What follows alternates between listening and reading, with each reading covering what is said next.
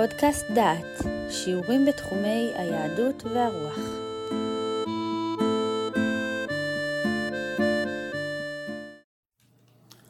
ברוכים הבאים לפודקאסט הלוח העברי, משמעותו והשפעתו.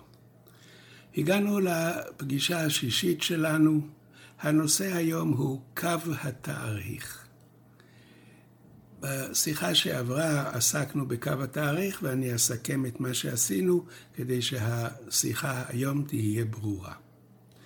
מה שעשינו עד עכשיו היה שקו התאריך הוא קודם כל אותו קו שהעובר אותו מור, מחסיר או מוסיף יום אחד ללוח שלו. לגבי השאלה איפה יעבור קו תאריך יהודי, הצגתי שלושה פתרונות. האחד של הרב טיקוצ'ינסקי, שקו התאריך הוא ישר מצפון לדרום 180 מעלות מירושלים. הפתרון השני של הרב אברהם ישעיהו קרליץ, החזון איש, שהוא אומר שקו התאריך הוא 90 מעלות מזרחית לירושלים. ופתרון שלישי, לנהוג כפי שנוהגים המקומיים לגבי איזה יום היום. אנחנו עכשיו נפגוש את ה... מקורות שעוסקים בנושא. נתחיל בגישה הבסיסית. הגישה הבסיסית היא מגיעה גם היא מספרד. כתב אותה רבי יהודה הלוי. גם הוא מספרד, גם הוא מטולדו, בדיוק כמו יצחק הישראלי. אבל לא היה 200 שנה לפני יצחק הישראלי. כזכור, יצחק הישראלי אמר שזאת בדיחה להגיד שבאותו מקום יעבור קו תארי בתוך יישוב, ובצד אחד שלו יהיה יום שישי ומצד שני יום שבת. רבי יהודה הלוי נוסע, נולד בסוף המאה ה-11. הוא חי במאה ה-12, הוא לא היה אסטרופיזיקאי כמו יצחק הישראלי. הוא היה משורר ופילוסוף. הוא כתב את הספר שכל אדם משכיל יודע עליו, ספר הכוזרי. הכוזרי טוען טענה חכמה. לא ייתכן שאין קו שבו מתחלף היום. אם אין קו כזה, אזי בכל העולם שבת היא בזמן אחד, והדבר הזה לא ייתכן. השבת מתחילה בשקיעת השמש וממשיכה עד השקיעה שאחריה. דמשק, ירושלים ומצרים אינם חולקים את אותו זמן לגבי השבת. לא ייתכן שבכל העולם, בכל 360 המעלות של סיבוב השמש, יהיה באותו רגע אותו יום. השבת מתחילה בכל מקום בשעה אחרת, לפי זמן השקיעה של אותו מקום.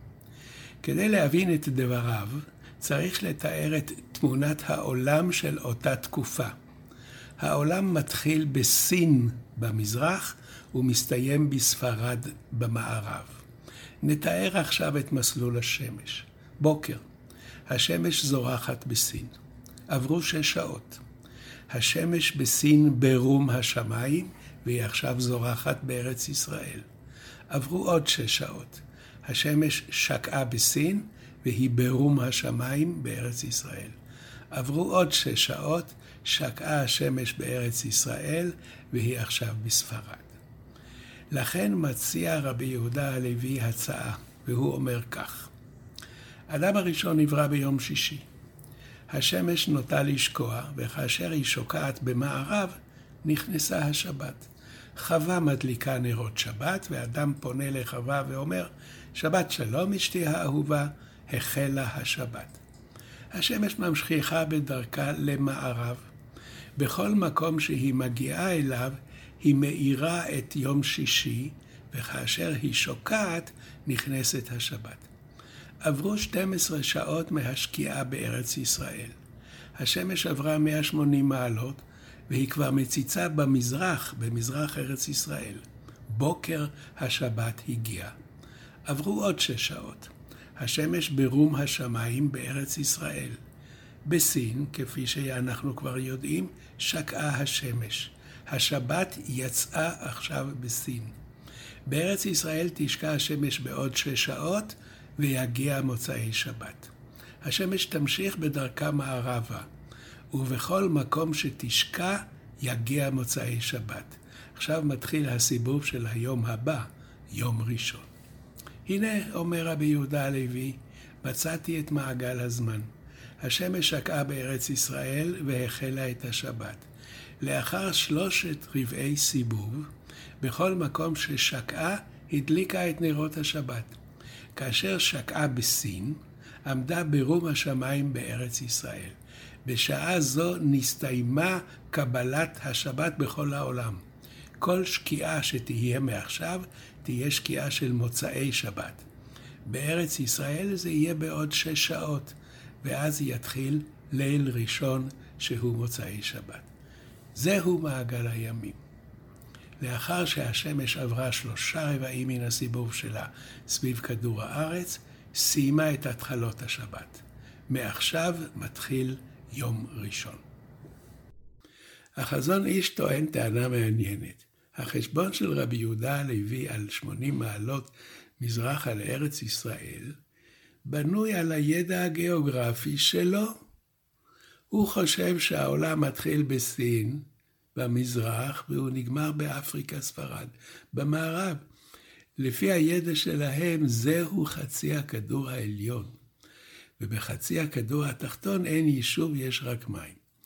וכאן אני רוצה לחדד משהו שלא יבלבל.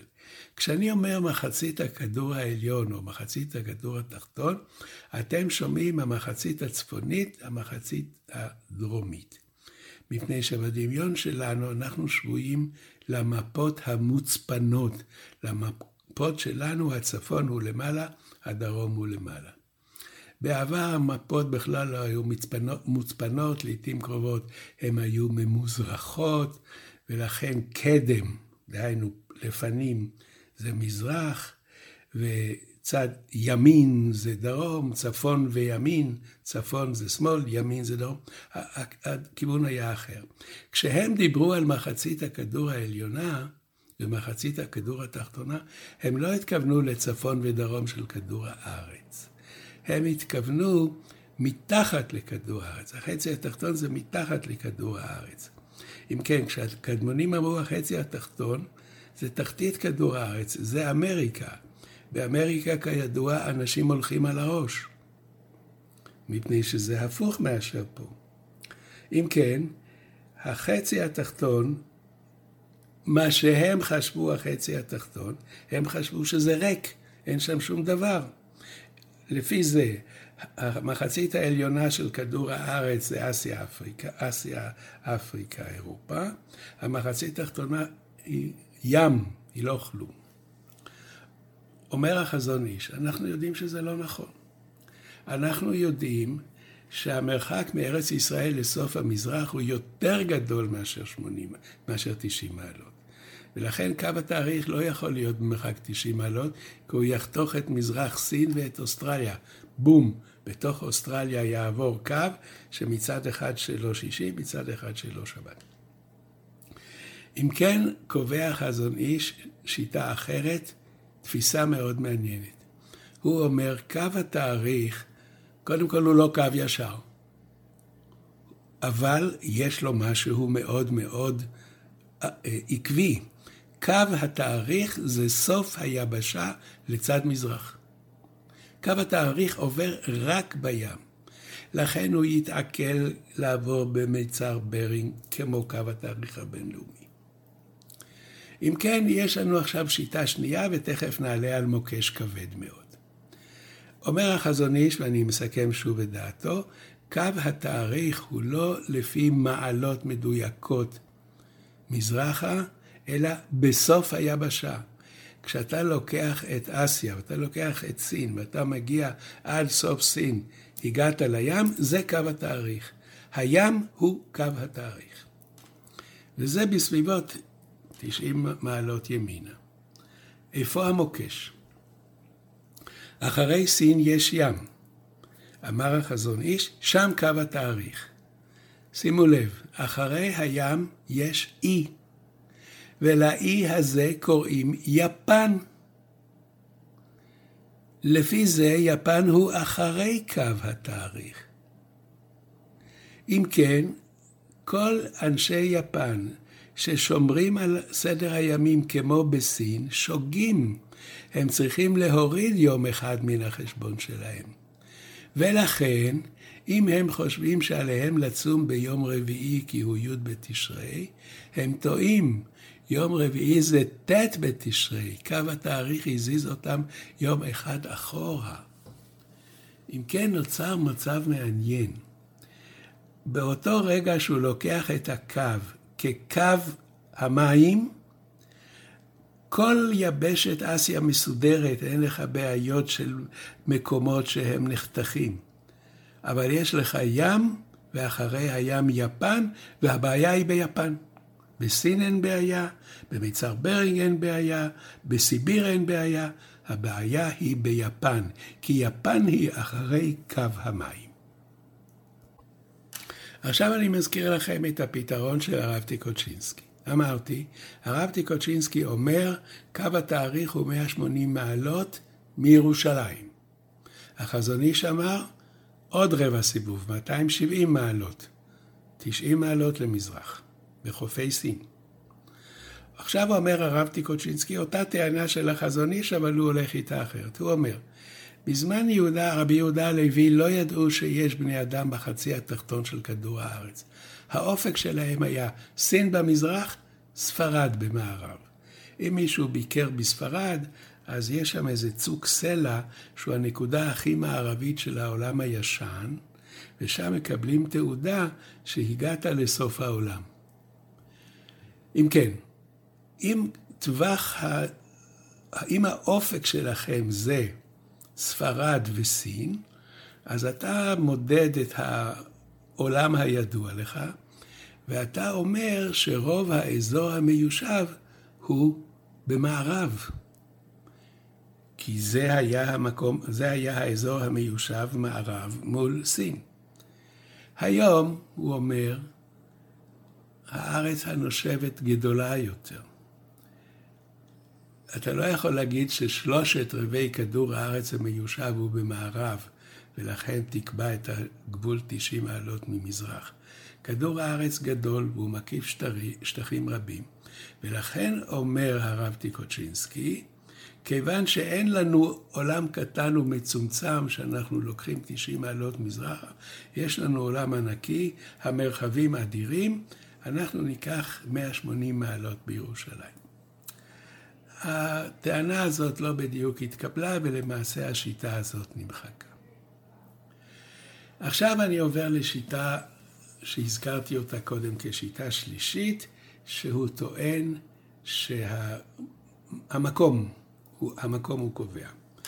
היה יהודי בשם הרב כשר, הוא היה, כתב הרבה מאוד ספרים, ואחד הספרים שהוא כתב, שמו קו התאריך הישראלי. השיטה שלו היא מעניינת מאוד, כי הוא הולך בכיוון אחר לחלוטין. הוא אומר, אין קו שנקבע מבחוץ. אין קו שנקבע על ידי חכמי גריניץ' או על ידי חכמי טולדו. ההתפשטות של היישוב גוררת איתה את השבת. ולכן, כאשר אנשים עוברים למזרח או למערב, והם יודעים מה היום לפי הלוח שלהם, לא מזיזים אותם, הם ממשיכים לספור שבעה ימים ולשמור שבת. הם ממשיכים לספור את הימים שהם שמרו קודם. ולכן, מה קרה בארצות המזרח שם, אצל היהודים שהגיעו? הגיעו יהודים, הם שמרו שבת כמו באירופה, הגיעו ליפן, המשיכו את המניין שלהם. הם לא ידעו על קו תאריך, הם לא ידעו שהם עברו קו תאריך, וזה גם לא משנה. הקהילה שומרת שבת ביום שהיא שומרת. ולכן לא מזיזים ולא קופצים ימים. רק במקרה אחד אדם מדלג על יום. כאשר הוא מצטרף לקהילה, ולקהילה יש יום שבת שלה, והוא עשה את הסיבוב בכיוון הפוך בכדור הארץ, ופתאום חסר לו יום, במקרה כזה הוא מדלג על יום ומצטרף לקהילה שהוא נמצא אצלה. אם כן, ההגדרה שלו היא כזאת, השבת זה עניין אישי, כל אדם גורר איתו את השבת שלו. ולכן באמת ייתכן ששני אנשים ייפגשו על אי בודד, האחד בא ממזרח והאחד בא מהמערב, ויהיה להם שבתות בימים שונים. אבל ברגע שיש שם יישוב ויהיה איזושהי מסורת של שמירת שבת, המסורת הזאת מחייבת, וכל מי שמצטרף, מצטרף לשבת של היישוב. מה שקורה בשיטה הזאת זה שאין בזה שינויים מסעירים. אדם ממשיך את השבת שלו, כשהוא מצטרף לקהילה הוא מצטרף לשבת. אין קפיצות. אתם זוכרים את הסיפור שהתחלתי בו על קבוצה של בחורים שהגיעו ליפן והגיע יום כיפור והם לא ידעו מתי שבת. עכשיו אני מספר את סופו של הסיפור, מה היה שם. יפן היא אי השוכן מול חופי סין. חשבון הימים של יפן הוא כמו במזרח העולם, כמו בסין, מפני שהם המשיכו את אותו, אותם חשבונות. אצלם יפן וסין זה אותו אזור זמן. השעון שם הקדים בשש שעות וארבעים דקות את השעון בארץ ישראל. לשיטת החזון איש, קו התאריך הוא קו החוף של סין. לכן יפן שייכת למערב העולם, היא מעבר לקו התאריך, והיא צריכה להיות מאוחרת ב-17 שעות מארץ ישראל. לא להקדים בשש שעות, אלא לאחר ב-17 שעות. לפי החשבון של היפנים, יום כיפור תש"ב, 1941, חל ביום רביעי בשבוע. על פי החזון איש, יום הכיפורים חל ביום שהוא יום חמישי בשבוע. אם כן, היהודים בקובה שלחו טלגרמה דחופה לארץ ישראל וביקשו שיפסקו להם באיזה יום לצום את צום הכיפורים. הרב הרצוג היה הרב הראשי של ארץ ישראל, הוא כינס בביתו אספה דחופה של גדולי הרבנים בארץ ישראל בג' בתשרי, שבוע לפני יום הכיפורים. החזון איש שלח לאספה הזאת את הרב פינקל שהציג את שיטת החזון איש. השתתף גם הרב טיקוצ'ינסקי שהזכרתי אותו קודם, שהוא קבע שקו התאריך זה 180 מעלות בירושלים. היו שם עוד מומחים לנושא. אה, היה שם הרב שפירא והרב הנקין, שלשיטתם קו התאריך הוא כמעט הקו הבינלאומי. השיטה האחרונה שהזכרתי, שקו התאריך זורם עם האנשים, הייתה של הרב מלצר, ראש ישיבת עץ חיים. כולם הסכימו שלא לשנות את היום, לא להגיד לאנשים תקפצו, תדלגו על יום ואתם צמים ביום אחר ממה שאתם אמורים לצום לפי הלוח שלכם. החזון איש, שהיה לו קשר ישיר עם הקבוצה הזאת, ולא... אה, והוא היה, הוא לא היה אדם קונבנציונלי שהולך אחריו, שלח מברק.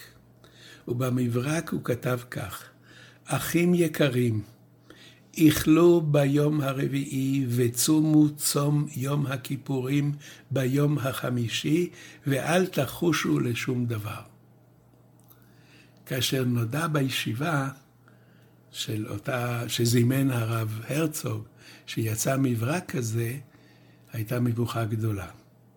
הרב טיקוצ'ינסקי אמר, אי אפשר לשלוח טלגרמה נוספת לצום ביום רביעי, מפני שהם יקבלו שני מברקים סותרים, או שהם לא ידעו מה לעשות, או שהם יצומו יומיים. זה, זה, זה, זה לא טוב. בסופו של דבר הם, נשלחה טלגרמה מטעם הקבוצה של הרב הרצוג, שהוא אמר להם לצום ביום רביעי, וביום חמישי לאכול מינימום בדרך כזו שהם לא ייכנסו לסכנה, אבל להישאר במניין המקובל עליהם. מה קרה? רוב יהודי יפן קיבלו את פסק ההלכה של אספת הרבנים של הרב הרצוג, והם צמו ביום רביעי. היו יחידים שצמו ביום חמישי לפי ההוראה של החזון איש, והיו בודדים שצמו יומיים כחמישים שעות. ומה היום? עד היום אין הסכמה לנושא הזה. אין הסכמה לנושא הזה, מפני שהשאלה אם קו התאריך הוא כמו החזון איש, דהיינו קו המים, או שהוא כמו הקו הבינלאומי, משנה בעצם את, את התאריכים שממזרח, שמעבר לקו המים, שזה יפן. בכל העולם יהודים שומרים את השבת ואת החגים לפי לוח השנה המקובל במדינתם. לפי קו התאריך הבינלאומי, כי זה מה שמקובל במדינתם. לפי השיטה של הרב כשר שהזכרתי, זה מה שצריך, מפני שהשבת זורמת עם האדם, והשמירה של השבת היא לפי השבת האישית, או לפי המקובל באותו מקום. סיכמנו, אם כן, סיימנו את הנושא של קו התאריך. אם נסכם אותו בקצרה, הכרח שיהיה קו או נקודה או מקום שבו מתחלף התאריך, כי לא ייתכן שבכל העולם כולו יהיה אותו תאריך, הרי השבת מתחילה בשקיעה והשקיעה זזה סביב כדור הארץ ב-24 שעות. על כן צריך נקודת אפס. הנקודה הזאת היא קו התאריך.